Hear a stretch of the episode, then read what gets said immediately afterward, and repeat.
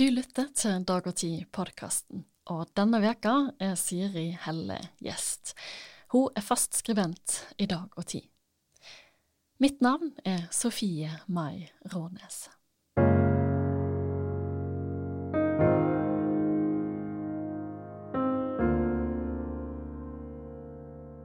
Velkommen til studio, Siri Helle. Tusen takk. Du er utdannet agronom og fast skribent i Dag og Tid, og du skriver hver uke matspalter fra matfatet og mat og matproduksjon. Du skriver også reportasjer og kommentarer, og bøker. Temaer som går igjen, er klima, mat og praktisk arbeid. Og dette er jo noe av det vi skal komme innom i dag. Og så, Nå får du supplere, da, men jeg vil bare gi lytteren litt sånn inntrykk av alt det ulike som du holder på med. Så skal vi se. Du er da snekker, sjøllært for det meste. Du legger tak. Du fjerner asbest. Du skriver, altså du er skribent. Eh, forfatter. Du har en liten åker hjemme hos deg sjøl. Driver jakt. Er det noe jeg har glemt? Eh? Nei Hvis noen ber om det, så holder jeg foredrag fra da og da. Men altså, jeg gjør jo ikke alt det her samtidig, da. Det er for stort sett holde med én eller maks to ting om gangen. Ja, for jeg lurer liksom på hvordan får du tid til dette. Det er jo bare ja, det er bare 24 timer i døgnet. ja, og jeg får sitte fortsatt med det samme som alle andre, at det meste blir ikke gjort.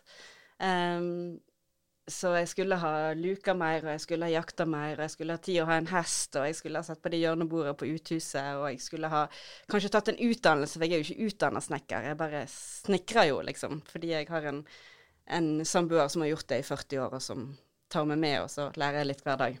Ja. Um, så det Ja, tidsbegrensninger, den kjenner man på. Men uh, det er det å prøve å fokusere litt på det en får gjort, da. Ikke alt en ikke får gjort. Ja, sant. Det er kanskje bedre, da. Hvis ikke så vil en jo bare bli veldig stressa og føle seg mislykka, mm. kanskje. Mm, ja. ja. Og så er det en veldig god kombinasjon, det å, å, å gjøre praktisk arbeid og snekre og holde på i hagen og å skrive. Um, da får en virkelig utnytta uh, mange sider av seg sjøl og kanskje har eh, mer energi enn om man bare skulle brukt den ene delen. Ja, sant. Ja, for det er jo litt eh, morsomt å se på. Det er jo når du skriver, Du ser jo at ordene kommer, men det er jo en helt annen måte å jobbe på da enn å drive med snekring. Mm. Um, og, og, og, det er litt viktig for meg at uh, en kan jobbe med uh, En kan jobbe med hodet, ikke kroppen, som en gjerne skriver. Uh, men en kan ikke jobbe med kroppen og ikke hodet. Så det er på en måte når jeg er ute og gjør praktiske ting, at jeg bruker hele meg, da. Um, så det hadde jeg måttet gjøre på en eller annen måte uansett. Jeg, jeg, er ikke i hvert fall sånn som bare kunne ha sittet og skrevet og lest og, og levd i mitt tau. Jeg må leve i, i, hele kroppen min. Ja, Vi skal ja. komme litt innom sånne, sånn praktisk arbeid mm. og egentlig ganske masse forskjellig, håper jeg, hvis vi får tid. Men eh, aller først så jeg jeg skulle gjerne visst hvordan du, hvordan du begynte å skrive her i Dag og Tid. Og som et eh, kanskje startspørsmål, hvor lenge har du skrevet denne her matspalta di? Ja, den hadde eh, tiårsjubileum rett før jul, så vi, ja, ti og et halvt år nå, da. Ja. Um, det hadde vi vel ikke trodd, tror jeg. Den ble jo til litt sånn ved en tilfeldighet. Jeg har alltid liksom skrevet litt, um, men det er ikke noe jeg har tenkt på at jeg skulle få betalt på på noe tidspunkt. Men når jeg gikk um, på jordbruksskolen i Aurland, jeg var nesten 30 år, og syntes det var en fantastisk skole, så holdt den samtidig på å bli nedlagt, og vi starta selvsagt da en kampanje og som et ledd i den kampanjen så kontakta jeg Dag og Tid og Svein Gjeråker um, og lurte på om han var interessert i stoff om skolen. Og det var han ikke, men han har jo òg en viss mat-landbruksinteresse. Um, og hadde hatt lyst på ei, ei eller annen form for matspalte lenge, og så var han uh, lur nok til å, til å, slå de to og to sammen og få fire, og så fikk jeg prøve å skrive matspalte. Så har jeg blitt værende, da. Ja, i ti og et halvt år nå. Ja. Herlighet. Og da lurer jeg liksom litt på, vi skal snakke litt om den matspalta, da. Eh, først, når du har holdt på så lenge, da tenker jeg du må jo gå tom for ideer. Ja da. Eh, det går i bølger, det der, altså. Noen ganger har jeg ei hel liste um, med ideer, og andre ganger må jeg grave dypt. Og den har jo òg utvikla seg i løpet av de ti årene. Når den begynte, så var den veldig sånn strengt to varianter av ett produkt som du finner i en standard dagligvarebutikk, um, og ja til det ene og nei til det andre. Mens nå er den litt mer sånn Kan være litt filosoferende eller kommenterende eller politisk på, på ja, mer strukturell, da. Um, så, så den, har, den, har, vokst litt, og det, jeg, tror, jeg, håper den har tålt det. Ja. ja. for det er jo ofte, eller noen ganger er det sånn et produkt, sånn som du sier, mens den nyeste, ferskeste som kom ut forrige uke, handler om hvalfangst, og litt, mm. Eh, noen tanker rundt det. Mm. Så det er definitivt veldig variert. da. Ja, men det er jo, og det er jo det som er så, så, så, så moro med mat òg, da, at egentlig handler det jo om alt. Altså mat handler jo om eh, helse eh, og oppvekst og kultur og natur og klima og det er nesten ingen bosetning. Det er nesten ingenting som ikke kan, eh, kan kobles til mat på et eller annet vis. Mm. Um, og da syns jeg at en, en, sånn spalte skal, skal kunne femne om ulike ting òg, da. Mm. Er det noe av mm. det som òg gjør at du i utgangspunktet ble så fascinert av matproduksjon og mat? Ja, um, altså jeg måtte, måtte, Jeg måtte reise til Brasil for å oppdage um, uh, norsk landbruk, oh, ja. faktisk. um, og en, en fantastisk um, organisasjon, bevegelse der nede, som, uh, som, jobber for å skaffe jord uh, og med det verdighet og levebrød til folk som ikke har noe som helst. Og da Der møtte jeg på en måte den her stoltheten og um, i å, å, kunne produsere sin egen mat. Og så så jeg òg hvor hvor viktig det er. Altså det viktigste vi kan i Norge kan gjøre, nesten, for, for, for fattige Brasil, um, er jo å produsere mat her i Norge, sånn at vi minst mulig stjeler av det mm. som de burde få ha. Så ja, det var liksom da som på en måte begynte Det var der det begynte, da? Det begynte nok litt sånn ideologiske, ideologisk, ja. egentlig, rett og slett. Og så um, oppdaga jeg på denne jordbruksskolen at praksisen òg var ganske så artig. Ja. Mm. Og du har jo i alle fall en egen potetåker eh, der du bor. Mm. Uh, er det noen hva andre ting er det du uh, dyrker? Nei, altfor mange forskjellige ting, sikkert. Um, nei, der er vel I åker nå så er det gulrøtter, rødbeter, stangselleri purre og neper og urter og grønnkål og tomater og hvitløk og jordskokk. Ja. ja, jeg skjønner. Det, det, det er litt, litt, av mange ting, da. Ja. ja. Og så driver du eh, Du òg jakt, og du har høner. Mm. Og da tenkte jeg sånn herlig, hvor, hvor, hvor selvforsynt vil du si at du er nå? Eh, ja, godt spørsmål. Eh, Norge er jo blant de minst selvforsynte landene i verden. Eh, vi er vel rundt 35% Jeg tror jeg er litt mer. Men ehm, jeg har jo ikke noe mål om 100% Jeg er veldig glad i kaffe og sjokolade. så, um, men sånn som på denne tida av året, nå når jeg begynner å kunne plukke egen, eh, egen salat og urter og um, snart også gulrøtter og sånne ting, så, så merkes det på handlinga. Um, og kjøtt er omtrent 100% med Eller jeg kjøper et lam av naboen. Um, så det er jo innkjøpt, men ikke på butikken. Og så samme så har vi Så um, jeg har null prosent selvforsyning på meieriprodukter, dessverre. Ja, OK. Ja. ja. Sånn er det. Ja.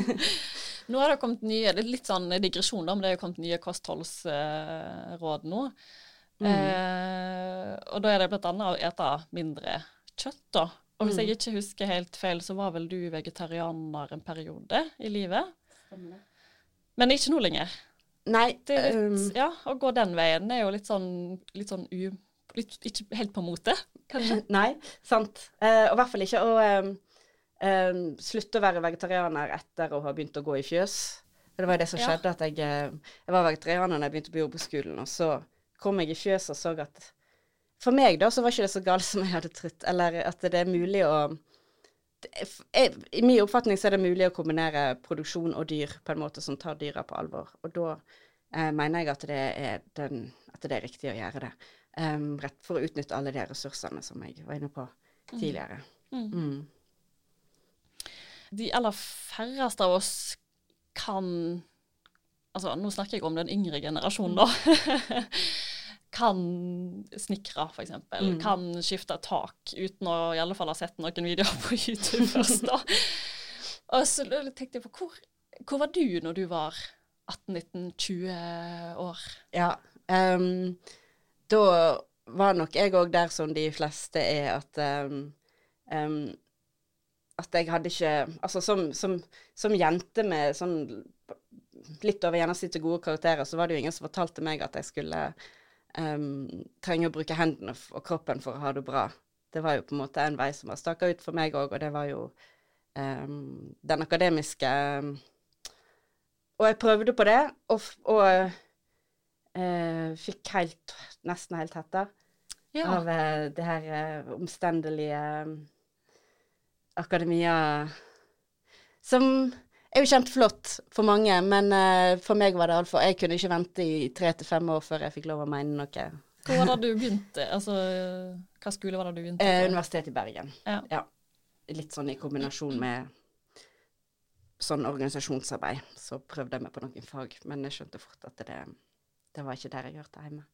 Så heldigvis så um, Selv om jeg syns jo det er fryktelig synd at uh, Det er jo når en er ung at en lærer fortest og best og at vi ikke utnytter det potensialet i den norske skolen i dag, um, er jo en skam. Men uh, heldigvis så er det aldri for seint. Hvordan har det vært for deg da, å lære seg sånn håndverk i Du er jo ikke gammel, da, men seinere ja, i livet, på en måte? Uh, jo, uh, utfordrende og uh, spennende. Um, av og til så um, må jeg gjøre ting helt aleine. Først, for å at ikke noen skal se meg når jeg mislykkes. okay. men, uh, men, det er jo fryktelig kjekt når en får det til, og desto kjekkere, egentlig. Jo, uh, jo mer en må slåss for noe, jo, bedre, ja, jo sterkere er jo mestringsfølelsen etterpå. Men det er jo noe med det her samfunnet der vi, vi møter det meste i butikkhyllene um, som vi trenger, og da ser vi jo bare de perfekte utgavene. Vi ser jo ikke alle forsøka som ikke har fungert, eller alt som kunne være godt nok um, bare ikke liksom perfekt nok til å være i butikkhylle. Og da hever terskelen for å prøve seg på ting òg, da, tror jeg. Tenker du liksom på grønnsaker og hvordan de ser ut, eller? Jeg tenker ting? på både grønnsaker og strikkegensere, egentlig. Strikke, ja, ja. ja, nå var jeg helt matfokusert, ja. nå. Nei, men det gjelder for mange ting, det der, altså. At um, ja, det er, så, det, er så, det er, så, mange nyanser som vi ikke ser mm. når vi ikke lager sjøl. Nei, sant det er jo, sånn som du sa, for veldig mange stort fokus på, på å ta høyere utdanning. I alle i gåseøyne skal jo gå på universitet eller høgskole nå. Mm. Hva tenker du om det? Um, jeg tenker at um, det er ikke sånn det skal være. Altså, et, det er ikke sånn universitetet er laga for å være engang, er det det egentlig? Altså, eller Og det med at en skal, skal, skal studere først, og så skal en jobbe etterpå. Um, jeg lager jo en serie om norske yrker i vinter for dag og tid. Og det er jo et, altså det er jo ikke noe representativ, men jeg var med seks personer på jobb, av de som virkelig brant for det de jobba med. Og fire av de hadde kommet inn i yrket sitt fordi de hadde begynt å jobbe med det. Så hadde de kanskje tatt utdanning etterpå.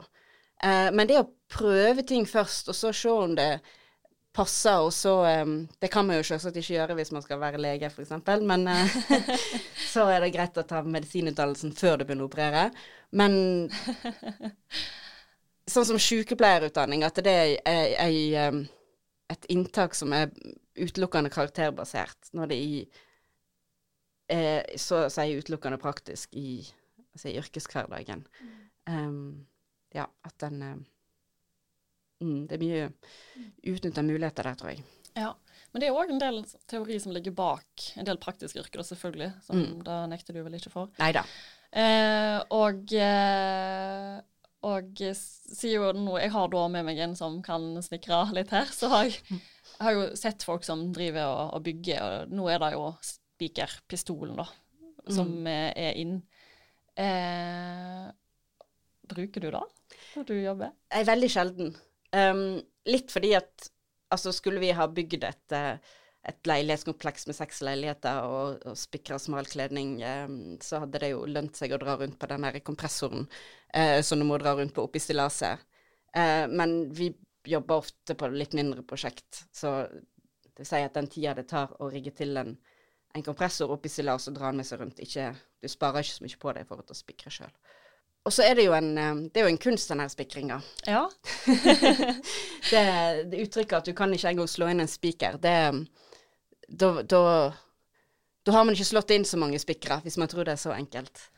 For ja. Eh, det er veldig mange forskjellige spikere, veldig mange forskjellige vinkler de skal spikres i, og som um, krever forskjellige teknikker. Hvor god vil du si at du er til å slå inn en spiker? Det er ikke det jeg er best på, men jeg har blitt mye bedre. Nei, vi driver ikke med terningkast lenger, gjør vi det? Eller? Nei, Nei. Ikke dag og tid iallfall. men tenker du at du skal ta fagbrev i uh, som snekker? Um, av, av, og til tenker jeg det, og så tenker jeg ikke. Jeg begynte jo på et sånt fagskolestudium som egentlig har ikke etter fagbrev, men i, uh, i um, den type trømmerarbeid som vi gjerne driver med, med gamle teknikker, gamle bygninger. Um, men jeg klarte dessverre ikke å gjøre ferdig det på første forsøk, iallfall. Nei. Uh, det var det her med, med timene i døgnet. Ja. Så ble det nedprioritert. Um, det, ja. det, hadde vært lurt. Mm. Bare også fordi at Rett og slett fordi samfunnet krever det. Altså det er nå jobber jo jeg og Asle som jeg bor med, i vårt eget firma, men um, skulle jeg ha søkt Jeg kan jo ikke ha søkt en jobb i et eksisterende firma, antagelig. Uten formell kompetanse, så hadde vel det vært vanskelig. Ja, nettopp. Men får du ting godkjent, altså hvis du snikker, bygger noe nå, da, uh, uten å ha det fagbrevet? Uh, jeg, jeg kunne jo ikke ha bygd et helt nytt bolighus, nei. Da måtte en hatt en annen som sto som ansvarlig, uh, iallfall. Noen som hadde gått over det i etterkant. Ja, sant. Ja. Skjønner. Um, Når begynte du med dette her snekkerarbeidet, egentlig? Hvor gammel var du da? Nei, det har vært litt sånn glidende overgang, da. Um, jeg begynte jo å lære meg å bruke Det begynte kanskje med motorsager på jordbruksskolen, litt. Og så um, har jeg ei ei hytte på, på, fjellet som jeg har arvet av farfar, som var veldig glad i å plante gran, som han skulle gjøre på 50-tallet. Så det um, Sitkagran, da? Ja, sitkagran.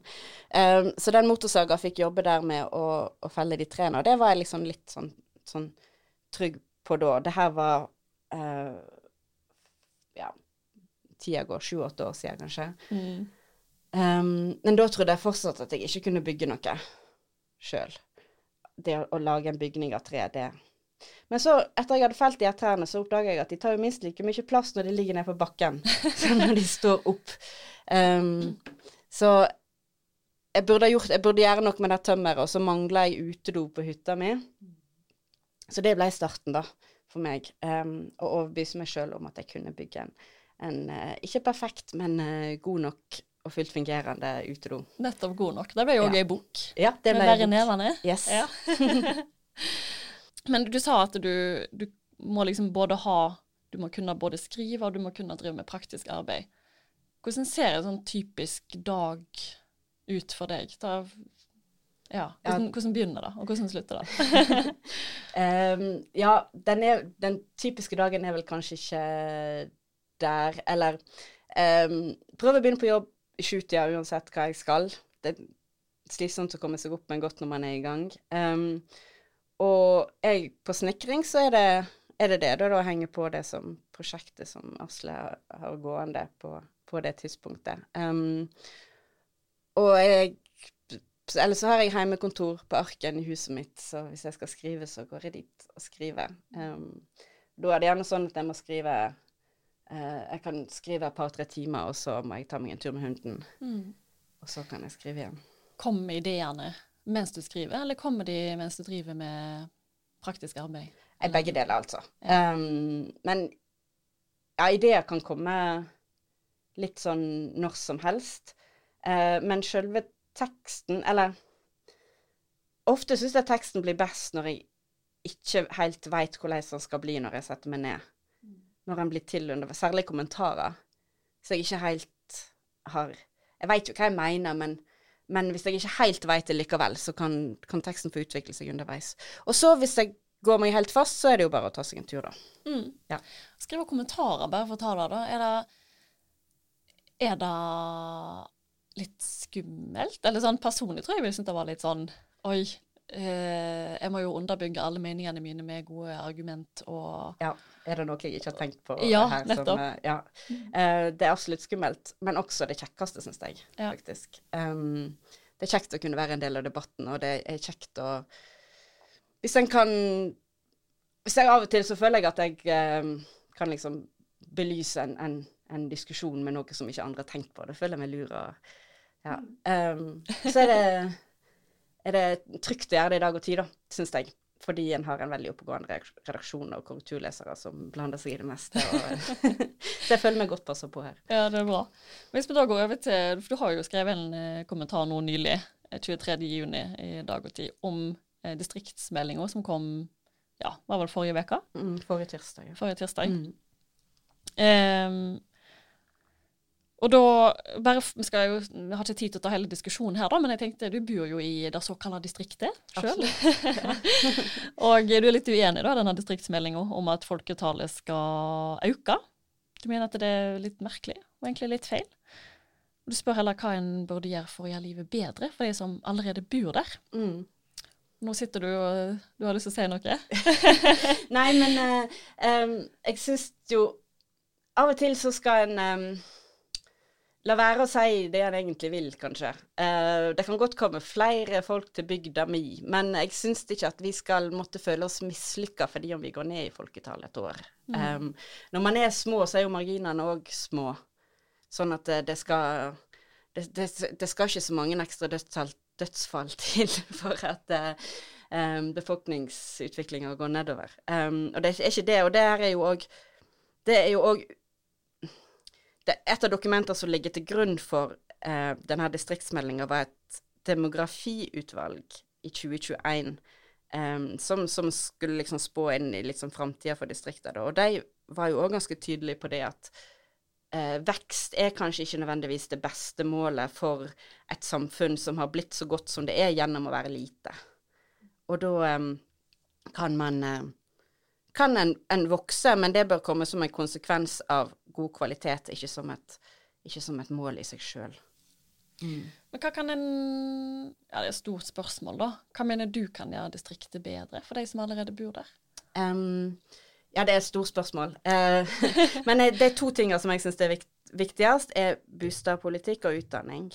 Og det er jo, begge deler er regjeringa inne på i meldinga si, um, at det er kjempeviktig hvor folk utdanner seg. Fordi jeg tror at folk Det er ikke nødvendigvis sånn at alle som studerer i Oslo, drømmer om å bli værende i Oslo, men en studerer jo lenge. Studerer jo gjerne inn i familielivet. Og hvis en da har fått seg kjøpt seg leilighet og fått barnehageplass og kanskje skoleplass, eh, så blir en jo eh, gjerne værende hvis, hvis en eh, heller enn å, å, å, drive og lete etter noe helt nytt eh, mm.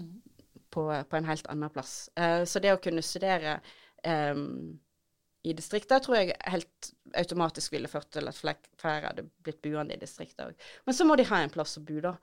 Og nå er det jo to problemer. Altså, man har jo boligmangel i byene. Man har jo eh, boligproblemer på distriktet òg, gjerne i at hus blir stående tomme, ikke blir brukt, ikke blir, blir solgt. Og at det å bygge nytt um, Ja, verdien på et nybygg kan bli så mye som halvert i det du setter nøkkelen i døra, fordi at markedsverdien blir lavere enn det det koster å bygge. Og der har ikke distriktsmeldinga kommet med noen konkrete tiltak ennå, bare sagt at det kommer en melding om et år. Og det er greit nok, men hvorfor da bruke tida på ei distriktsmelding nå? Eh, som du nevnte i starten, du begynte jo å studere i Bergen. Du har uh, bodd litt i utlandet, iallfall reist en del i utlandet og vært sånn på, på flyttefot eller på reisefot. da. Og så landa du i, ja, hjemme, rett og slett. uh, hvordan skal jeg stille dette spørsmålet? Altså, er du fornøyd? Du ja, hva føler du nå? er du fornøyd, eller du, føler du at du har ofra masse for å, for å liksom Ja, for å leve det livet du lever nå? Um, ikke ofra. Jeg um, det, det, kan jeg ikke si at jeg har gjort. Men um, at jeg Den rastløsheten som jeg har hatt, den har jeg fortsatt.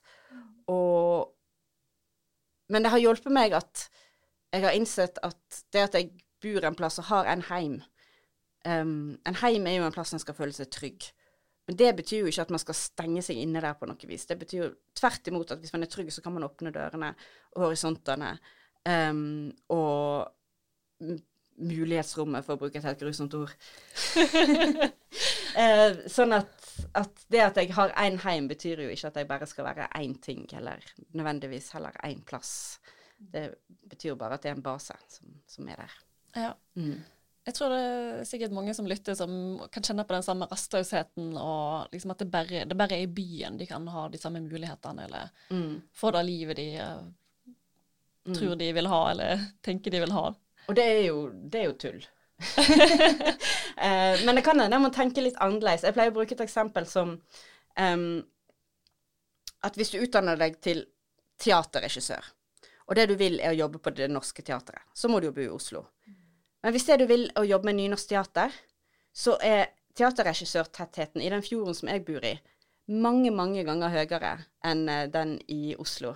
Ja. Fordi at folk har, har tatt utdanninga si og vridd henne litt annerledes, da.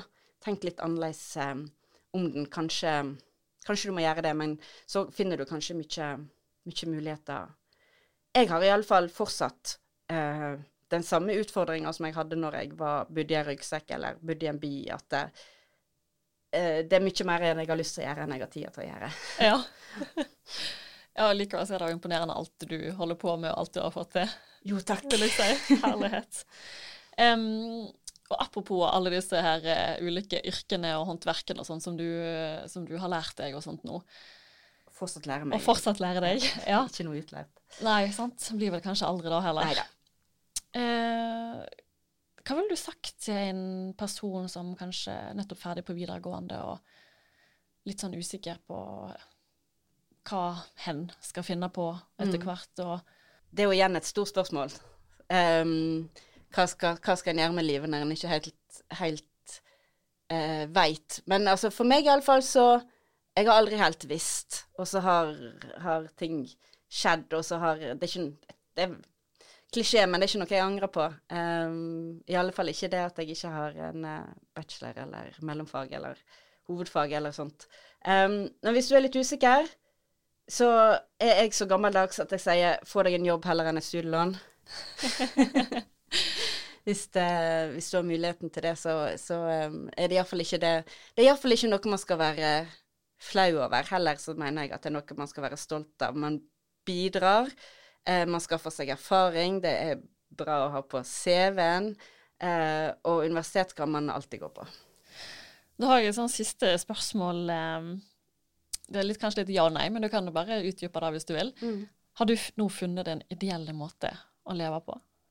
Oi eh, i, Altså oh, jeg, jeg, vil ikke at folk skal tro at jeg er noen slags sånn derre Astrid Lindgren-figur, eller men, eh, men jeg har Jeg har fått Jeg har funnet mange sammenhenger i, i livet mitt som gjør, meg, som gjør meg godt. At det jeg har um, inni hodet av forestillinger om hvordan verden burde være, kan jeg, jeg kan finne igjen en del av de tinga i uh, omgivelsene mine, og jeg har muligheten til å forme dem um, sånn, sånn, som jeg ønsker, og sånn som jeg mener de, de burde være på en helt annen måte enn jeg har hatt noen gang tidligere. Og det er veldig godt.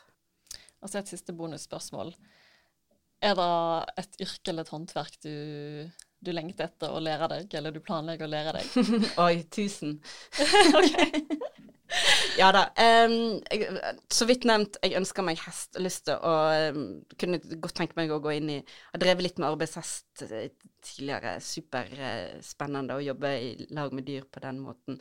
Um, jeg har lyst til å lære meg mer om skinn og lær og å kunne foredle den altså når man går på jakt, og alle de her skinna som man lar ligge igjen i skogen og fjellet, som er jo kjemperessurser som man burde brukt. Ull har jeg lyst til å lære meg mer om. Ja, det, er masse sånne ting, altså. Ja, det høres kjempespennende ut. Så må iallfall lykke til med både det du driver på med nå, og eh, det du kanskje lærer etter hvert. Tusen takk. Ja. Takk for at du kom til studio.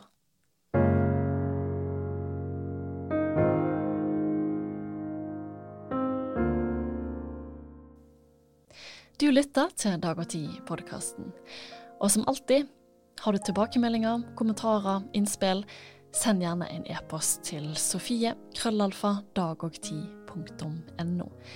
Takk for at du lytter.